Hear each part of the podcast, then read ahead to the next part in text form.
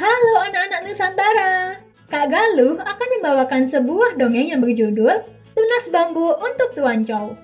Dongeng ini merupakan karya Dian Kristiani dari buku Dongeng Kuliner Nusantara dengan penerbit Tiga Ananda. Suatu hari, ada seekor panda yang sibuk mengunyah bambu. Perutnya makin gembul. Ini sudah bambu ke-30 yang dia makan hari ini. Tanya kelinci yang ikut mencomot sebatang bambu. Ini lebih enak wortel. Kelinci mengernyit sambil berusaha menelan bambu yang dikunyahnya. Panda mengeluh sebal. Sejak Tuan Chow mengambil bambu dari hutan sini, bambu-bambu ini makin lebat. Kamu tahu kan, bambu makin subur jika sering dipanen? Tuan Chow, maksudmu pemilik rumah bambu di ujung desa itu? Kelinci menunjuk ke arah desa. Panda mengangguk. Tuan Chow memang baru saja membangun rumah bambu yang besar sekali. Dia meminta izin pada Panda untuk memanen bambu-bambunya. Kata Tuan Chow, rumah itu akan dijadikan rumah peristirahatan. Siapa saja yang lewat boleh mampir untuk beristirahat. Jelas Panda. Panda dengan suka hati memberikan bambu pada Tuan Chow. Akan tetapi, dia tak menyangka bambunya malah jadi makin lebat. Mereka tumbuh terus dan terus. Panda mengelus perutnya yang buncit. Apa aku suruh Tuan Chow membuat rumah baru lagi ya? Atau meja? Kursi? Ranjang? Kelinci mengangguk, tapi dalam sekejap dia ragu. Tapi kulihat di rumahnya sudah ada perabotan. Kupikir dia tak perlu lagi bambumu. Mereka berdua lalu duduk. Panda kembali mengambil sebatang tunas bambu dan mengunyahnya. Tanpa mereka sadari, Tuan Chow mendekati mereka. Halo.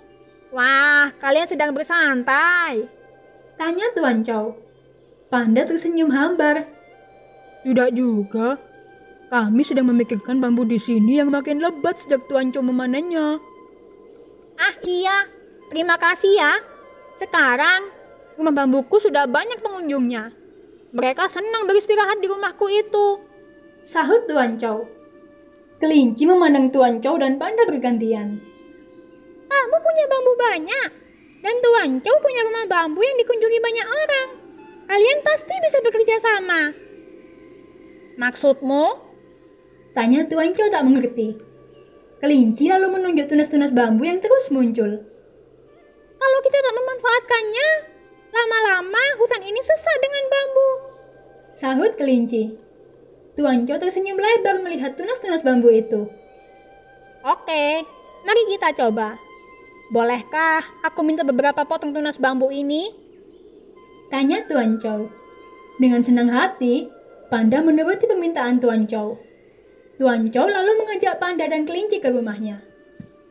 Mari kita coba mengolah tunas bambu ini menjadi sesuatu yang sangat lezat. Tuan Chow merebus tunas bambu itu dalam sebuah panci. Ih, baunya pesing. Panda menutup hidung. Tuan Chow terkekeh. Nanti setelah airnya dibuang, baunya tidak pesing lagi. Itu ajaran nenekku. Tunas bambu ini namanya rebung. Kita bisa mengolahnya. Setelah Tuan Chow menuliskan rebung itu, mereka semua berpikir. Enaknya dibuat apa? Tanya Panda. Bagaimana jika dicampur wortel? Tanya kelinci sambil menyodorkan wortel. Juga telur, udang, Tuan Chow pun bersemangat membakar isi lemari dapurnya. Tuan Chow lalu merajang rebung dan wortel itu, lalu mencampurkannya dengan telur dan udang. Masakannya berbau harum sekali, ini enak sekali. Kata Tuan Chow. Panda dan kelinci ikut mencicipi.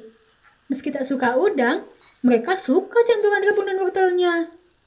Betul, ini enak sekali. Sahut Panda gembira. Mereka lalu makan dengan lahap. Ting tong. Bel rumah Tuan Chow berbunyi. Seorang anak mengantar sekantong terigu pesanan Tuan Chow.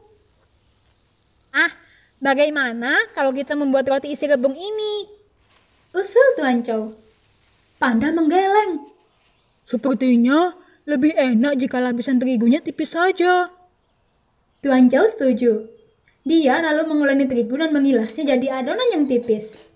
Sesendok rebung ditaruh di atas adonan itu, lalu digulung. Panda memasukkan sepotong ke mulutnya. Nyam, nyam, nyam. Kita beri nama apa makanan ini? Tanya Panda. Tuan Chow tersenyum.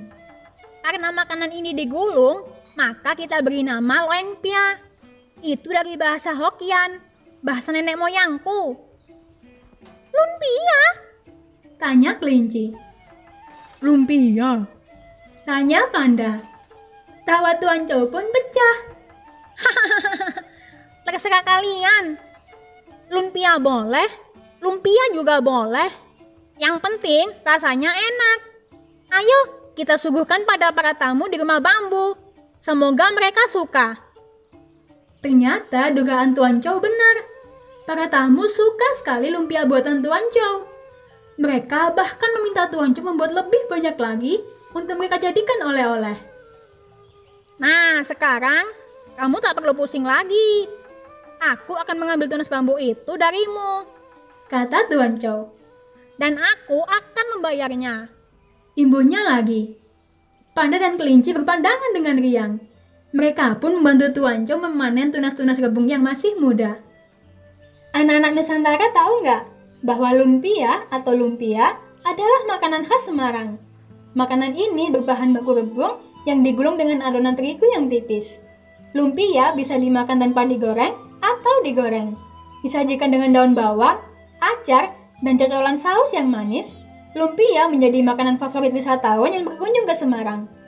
Demikian dongeng-dongeng Kak Galuh hari ini. Sampai bertemu lagi.